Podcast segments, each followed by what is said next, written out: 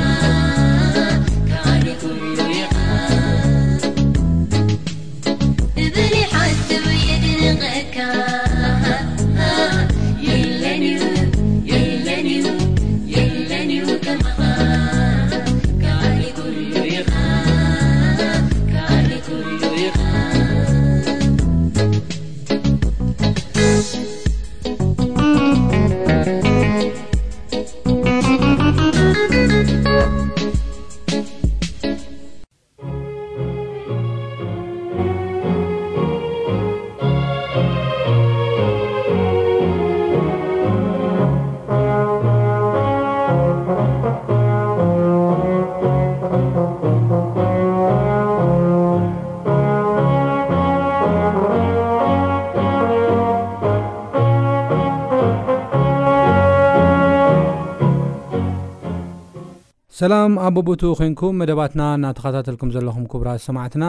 ሎሚ ድማ በቲ ሒዝናዮ ዘለና ኣርእስቲ መንግስትኻ ትምጻእ ብዝብል ኢየሱስ ክርስቶስ ዘምሃረና ናይ ጸሎት ትምህርቲ ኢና ክንርኢ ማለት እዩ ከምዝከር ኣብ ዝሓለፈ መንግስትኻ ትምጻእ ብዝብል ቀዳማይ ክፋል ርኢናዮ ነርና ሎሚ ከዓ ካልኣይ ክፋል ኢና ክንርኢ ከምቲ ዝዝከር መንግስትኻ ትምጻእ ኢልና ክንጽሊ ከለና እዛ መንግስቲ እዚኣ ሓያል መንግስቲ ንዘለዓለም ዓለም እትነብር መንግስቲ ዓባይ መንግስቲ ከም ዝኾነት መፅሓፍ ቅዱስ ይዛረበና እዩ ስለዚ ነዛ መንግስቲ እዚኣ ፍፁም ዝኾነት መንግስቲ ሓጢኣትን ዓመፅን ሞትን ጥፍኣትን ዘይብላ መንግስቲ ፍትሓዊነት ዝነገሰላ ሓደ ንሓደ ዘይዕምፀላ ዓመፅና ግፍዕ ዘይብላ መንግስቲ ንክትመፅእ እናተመነና ከም ዘለና እዩ ዝነግረና ማለት እዩ ስለዚ ንክትመፅእ ክንፅሊ ከለና ከዓ እቲ ዋና ነገሩ ወይ ድማ እቲ ዋና ሓሳቡ ርእስና እናዳለና ብክርስቶስ ኣሚና ከም ፍቓዱ እናተመላለስና ክንነብር ከም ዝግብኣና እዩ ኣብ ዝሓለፈ ናይ ቃል ግዜና ርኢና ነርና ማለት እዩ ሎሚ ከዓ እንሪኦ ናይዚ መቐፀልታ ሓሳብ እዩ ዝኸውን ማለት እዩ ተቀዳማይ ሓሳብ እንሪኦ እንታይ እዩ ኣብ ኢሳያስ ምዕራፍ ዓሰርተ ኣርባዕተ ፍቕዲ ዓሰርተ ሰለስተ ዘሎ ሓሳብ እዩ እዚ ድማ እንታይ እዩ ዝብለና ካብዛ ናይ እግዚኣብሄር መንግስቲ ወፃእ ካልእ ዙፋን ከም ዘሎ እዩ ወይ ድማ ካልእ ዙፋን ንምስራት ካልእ መንግስቲ ንምስራት ድሌት ዘለዎ ፍጡር ከም ዝተላዕለ እዩ ዝነገረና ማለት እዩ እዚ እንታይ ኮኑ ይኸውን ንዝብል ምርኣይና ሕፅር ዝበለ ፀሎት ጎይታ ከምህረና ክንፅሊ ኢና እግዚኣብሔር ኣምላኽና ስለዚ ግዜን ሰዓትን ነመስግነካ ኣለና ሕጂ ድማ ቃልካ ከፊትና ኣለና እሞ ከተምህረና ምስትውዓል ድማ ክትበና ንልምን ብጎይታናን መድሓናን የሱስ ክርስቶስ ስም ኣሜን። ናይ እግዚኣብሔር መንግስቲ ኣዝያ ብፍትሓዊነታ ትፍለጥ ዓባይ ዘልኣለም ዓለም እትነብር እዚ ንእሽተይ ግዝኣታ ድማ ሰፊሕ ዝኾነ መንግስቲ እኳ እተኾነት ብንእሽኡ ተገልጸ እዩ እዚ እሞ ከዓ እቲ ንጉሳ ናይዛ መንግስቲ እዚኣ ንጉስ ከዓ እግዝኣብሄር እኳ ተኾነ፣ እቲ ፈቃር ዝኾነ፣ እቲ ርህሩህ ዝኾነ፣ እቲ ሓዛን ዝኾነ ኣምላኽ እኳ ተኾነ፣ ሰባት ግን ነዛ ናይ እግዚኣብሄር መንግስቲ ክትሰማምዖም ኣይከኣለን። ካብዚ ዝተላዕለ ካብ መንገዲ ኣምላኽ ወፂኦም ብገዛእ መንገዶም ክኸዱ ከም ዝጀመሩ እዩ ዝነግረና መፅሓፍ ቅዱስ። ካብ ገዛእ መንገዲ ኣምላኽ ወፂኦም ግን ኣበይ እዮም ከይዶም ክንብል ከለና መንገዲ ሰይጣን እዮም መሪፆም። ሰይጣን እንታይ እዩ ድሌቱ ነይሩ? መን እዩኸ ሰይጣን ንዝብል ብዙሕ ግዜ ኣብ መጽሓፍ ቅዱስ ርኢና ኢና። ኢሳያስ ምዕራፍ ዓሰርተ ኣርባዕተ ከምኡውን ህዝቅኤል ምዕራፍ ዕስራን ሸሞንተን ንርኢ ኢና። ሰይጣን ናይ ባዕሉ መንግስቲ ንኽምስርት ዝተላዕለ፣ ንምንታይ ኣነ ክምለኸለይ ዘይክእል ኢሉ ዝተላዕለ ፍጡር ኣምላኽ እዩ። መጀመርያ ሰይጣን ኣይኮነን ነይሩ፣ ሉሲፈር ገይሩ እዩ ፈጢርዎ ነይሩ፣ ምልኩዕ ገይሩ እዩ ፈጢርዎ ነይሩ። ድሓር ግን ናብ ስይጥንና ወይ ድማ ናብ ከሳሲ ቀታል ነብሲ ስለ ዝኾነ እቲ ሽሙ እውን ሰይጣን ከም ተባህለ እዩ ዝዛረበና ማለት እዩ መጽሓፍ ቅዱስ ስለዚ ኣብ ኢሳያስ ምዕራፍ 14 ፍቕዲ 13 እንታይ ይብለና ንስኻስ ይብል ብዛዕባ ዲያብሎስ ክዛረብ ከሎ ናብ ሰማይ ክድይብ ንዙፋነይ ከ ኣብ ልዕሊ ኳክብቲ ኣምላኽ ልዕል ከብሎ ኣብ ወሰን ሰሜን ኣብ ልዕሊ ኸረን ማሕበር ክቕመጥ እየ ኣብ ልዕሊ ርእሲ ደበናታት ክድይብ ነቲ ኣዝዩ ልዑል ክመሲል እየ በልካ ይብል ካብዚ ዝተለዓለ እዚ ኢሉ ጥራሕ ኣይተረፈን ንብዙሓት ቅዱሳን መላእኽቲ ዝነበረ ኮነ ንደቂ ሰባት እውን ከም ዘታልሎም እዩ መፅሓፍ ቅዱስ ዝዛረበና ማለት እዩ ካብዚ ዝተላዕለ ኣሳሒቱ ጥራሕ ኣይተረፈን መፅሓፍ ቅዱስ ከም ዝዛረበና ገዛኢ እዛ ዓለም እዚኣ እውን ከም እተባህለ መጽሓፍ ቅዱስ ይዛረበና እዩ ገዛኢ እዛ ዓለም እዚኣ ናይዛ ዓለም እዚኣ ገዛኢ እውን ከም ዝኾነ ይነግረና እዩ ማለት እዩ ስለዚ ካብታ ናይ እግዚኣብሔር መንግስቲ ወፃኢ ብዓመፅ ዝተመስረተት ብሓጢኣት ዝተመስረተት መንግስቲ ከም ዘላ እዛ መንግስቲ ከዓ ናይ ዲያብሎስ መንግስቲ ከም ዝኾነት እዩ ዛረበና ግን ፀኒዓት ነብር መንግስቲ ይኮነትን ጠፋኢት መንግስቲ እያ እሞ ናይ እግዚኣብሔር መንግስቲ ትፃረር መንግስቲ ከም ዝኾነት እዩ ዝዛረበና ዘሎ ሕጂ እዛ መንግስቲ እዚኣ እያ ናይ ዲያብሎስ መንግስቲ እያ ሰብ ንሰብ ተባልዕ ዘላ ሰብ ንሰብ ተጣፍእ ዘላ ምናልባት ኣብ ዮሃንስ ወንጌል ምዕራፍ 12 ፍቅዲ 31 ዘሎ ሓሳብ ንርአ እሞ ከምኡውን 14 ፍቅዲ 30 ካብኡ ሓደ ሕቶ ክሓትት ይደሊ ንሱ ድማ ዓለም እንታይ እያ ዝብል ሕቶ እዩ መጀመርያ ግን ዮሃንስ ወንጌል ምዕራፍ ዓሰርተ ክልተ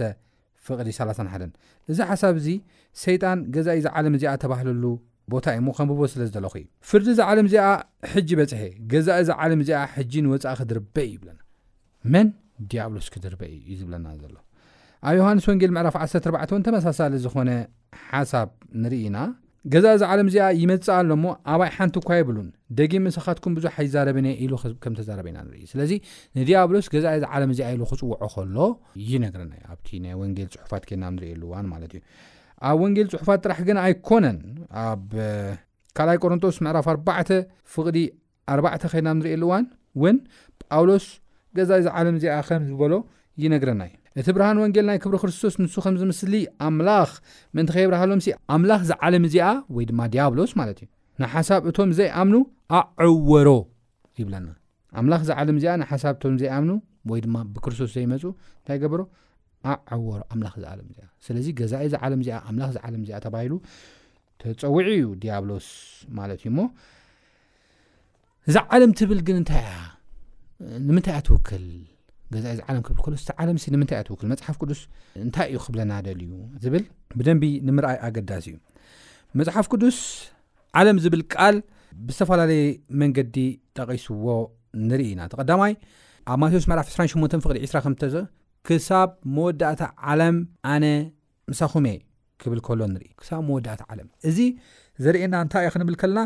ግዜ እዩ። ግዜ እዩ። ቅድም ኢለ ብዛዕባ ዓለም ከንብብ ከለኹ ገዛኢ እዚ ዓለም ክብል ከሎ እቲ ቀዳማይ ከማላኸት ዝኽእል ኢልና ዝግመት ግዜ እዩ። ምናልባት ከኣ ክኸውን ዝኽእል ከኣ ኢልና መጨረሻ እቲ ኣጠቓላሊ ሓሳብ ክንቦ ኢና ብርግጽ እቲ ካልኣይ ሓሳብ ከኣ ምድሪ ከማላኽት ይኽእል እዩ ምክንያቱ ዮሃንስ ወንጌል ምዕራፍ ዓሰርተ ሸውዓተ ፍቕዲ ዒስራን ኣርባዕተን ከድና ኣብ ንርእየሉ እዋን ኢየሱስ ክርስቶስ ኣብ ጸሎቱ ዝጸለዮ ጸሎት ንምድሪ ከም ዝኾነ እዩ ዝነግረና ማለት እዩ እንታይ ይብል ወኣቦይ ቅድሚ ምምስራት ዓለም ኣፍቂርካኒ ኢኻ እሞ ይብል ኢየሱስ ክርስቶስ ክዛረብ ከሎ እዞም ዝሃብካኒ ነቶም ዝሃብካኒ ክብረይ ምእንቲ ክርዩስ ኣብቲ ኣነ ዘለኽዎ ንሳቶም ኣብኡ ምሳይ ምእንቲ ክህልው ደለኹ ይብለና ቅድሚ ምስራት ዓለም ክብለና ከሎ ቅድሚ ምስራት እዛ ምድሪ እዚኣ ከም ዝኾነ እዩ ዝዛረበና ማለት እዩ ስለዚ ምድሪ እውን ክውክል ይኽእል እዩ እዚ ዓለም ዝብሎ ዘሎ ቃል ማለት እዩ እቲ ሳልሳይ ድማ ኣብ ሉቃስ ምዕራፍ ክልተ ፍቅዲ ሓደ ከም እንሪኦ ዓለም ዝብል ቃል ህዝቢ እውን ክኸውን ይኽእል እዩ እንታይ ይብል ኮነ ድማ በቲ ቅነቲ ኩላ ዓለም ክፀሓፍ ኩላ ዓለም ክፀሓፍ ካብ ቄሰር ኣውጉስጦስ ትእዛዝ ወፀ ይብለና ህዝቢ እውን ክኸውን ይኽእል እዩ ኣብዚ ጥቕሲ እዚ ስለዚ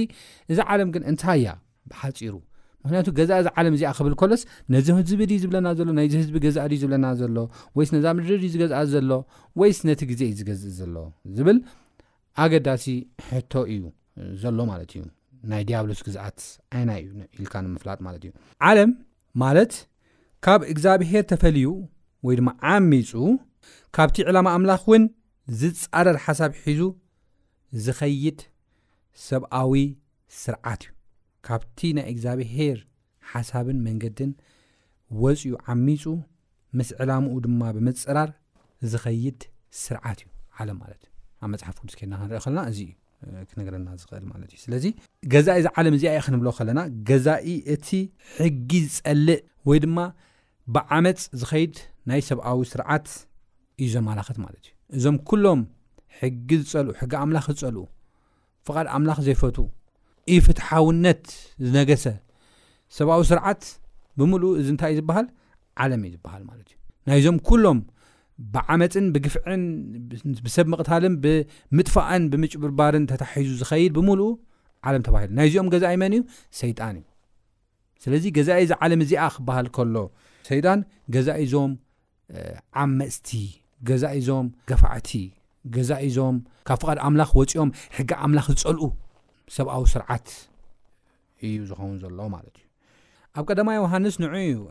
ካብ ምዕራፍ ክልተ ካብ ዓሰርተ ሓሙሽተ ክሳብ ዓሰርተ ሸውዓተ ከድና ኣብ ንርእየሉ እዋን ከምዚ ብምባል ዝዛረበና ንዓለም ወይስ ነቲ ኣብ ዓለም ዘሎ ኣይትፍተዉ ኢሉ ዝዛረበና ንዑ እዩ ማለት ንዓለም ወይስ ነቲ ኣብ ዓለም ዘሎ ኣይትፍተዉ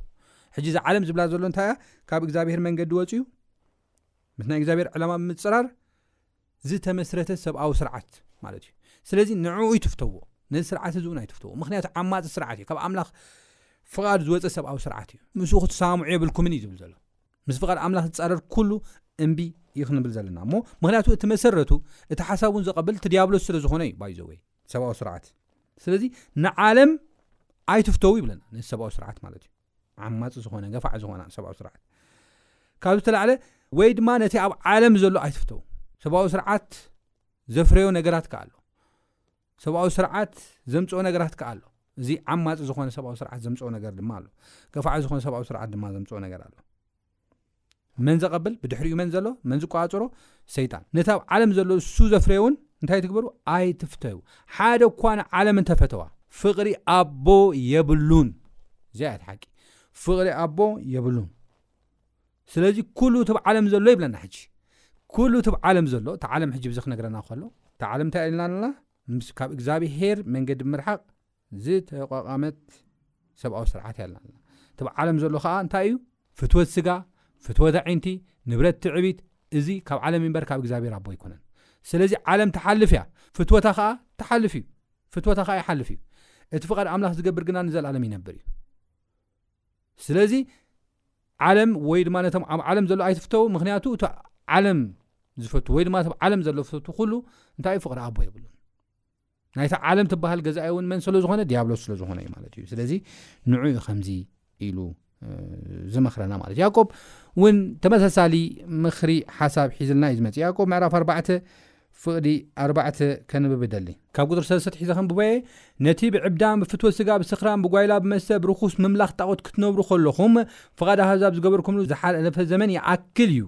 እቲ ዕያግ ርኽሰት ምሳታቶም ስለ ዘይጎየኹም እናተጻረፉ ብእኡ ይግረሙ ኣለዉ። መን? እቶም ኣብ ዓለም ዘለዉ። ንምንታይ? ኣብኡ ነይርኩም ካብኡ ስለ ዝወጻኹም። ስለዚ ኣይትገረሙ ንስኹም እውን ናብኦም ኣይትመለሱ ክብል ከሎ እዩ ዝነግረና ማለት እዩ ስለዚ መፅሓፍ ቅዱስ የሱስ ክርስቶስ ክፅሊ ከሎ ኣንተወይ ዘንበብክዎ ዮሃንስ ወንጌል ምዕራፍ 17 መልእስ ኢለ ፍቕዲ 14 ከዓ ከንብብ ይደሊ ከምዚ ይብል ኣነ ቃልካ ሃብክዎም ይብል ህያው ዝኾነ ቃል ዝሰርሕ ቃል ብክልተ ገጹ ዝተበልሐ ሰይፍ ቃልካ ሃብክዎም ከምቲ ኣነ ካብ ዓለም ዘይኮንኩ ንሳቶም ካብ ዓለም ኣይኮኑን እሞ ዓለም ጸልኣቶም ዓለም ጽድቂ ዝገብር ሰብ ዓለም ፍትሒ ዝገብር ሰብ ዓለም ነቲ ብሂወት ሰብ ሞት ወይ ድማ ብናይ ሂወት ሰብ ጥፍኣት ዝሓዝን ሰብ ኣይትፈቱን እያ ትጸሊ እያ ተሳድድ እያ ዓለም ንኣምላኽ ዘኽብር ነገር ንክንሰርሕ ክንፍትን ከለና ተጸልኣናን ተሰጉጓናን እያ ማለት እዩ ስለዚ የሱስ ክርስቶስ ንዑ እዩ እንታይ ኢሉ ኣነ ቃልካ ሃብክዎም ከምቲ ኣነ ካብ ዓለም ዘይኮንኩ ንሳቶም ካብ ዓለም ኣይኮኑ ሞ ዓለም ጸልኣቶም ካብቲ ክፉእ ክትሕልዎም እምበር ካብ ዓለም ከተውፅኦም ኣይኮንኩን ዝልምን ዘለኹ ከምቲ ኣነ ካብ ዓለም ዘይኮንኩ ንሳቶም ካብ ዓለም ኣይኮኑን እሞ እንታይ ግበሮም ካብ ክፉእ ትሕልዎ እምበር ካብ ዓለም ከተውፅኦም ኣይኮንኩን ዝልምን ዘለኹ ይብለ በቲ ሓቂ ቀድሶም ቃልካ ድማ ሓቂ እዩ እናበለ ክጽልየልና ከሎ እዩ ዝነገረና ማለት እዩ እሞ ገዛኢ እዚ ዓለም እዚኣ ሕጂ እውን ብሓይሊ እዩ ዝሰርሕ ዘሎ ሰብ ኣብ ምትላል ሰብ ኣብ ምጥፋእ ሰብ ኣብ ምቕታልን ኣብ ምፍልላይን እዩ ተጸሚዱ ዘሎ ነገር ግን ዓለም ኮን ኣብ ዓለም ዘሎ ብዘይ ምፍቃር ወላ ስደት እንተበዝሐ ወላ ሽግር እንተበዝሐ ምስ ኣምላኽ ኮንካ ክንመላለስ ከም ዘለና እዩ ፃውዒት ዘቕረበልና ምክንያቱ ዓለም ተሓልፍ እያ ኢሉ እዩ ዓለም ትሓልፍ እያ ሓላፊት እያ ክትወድቕ እያ ናይ እግዚኣብሔር መንግስቲ ግን ዘላለማዊ እዩ እሞ ምስ እግዚኣብሔር ክንጽጋዕ ከም ፍቓዱ ድማ ክንመስል ዓለም ኮነ ኣብ ዓለም ዘሎ ክንጸልእ ካብኡ ድማ ክንፍለ ይግባኣና እዩ ምክንያቱ ኣብ ዓለም ዘሎ ኩሉ ሓጢኣት እዩ ግፍዒ እዩ ኣመፅ እዩ ዓለም መን እያ እታ ሰብኣዊ ስርዓት እያ ብግፍዕን ብሰብ ሙትን ብጥፍኣትን ብዓመፅን ዝተመስረተት ሰብኣዊ ስርዓት እያ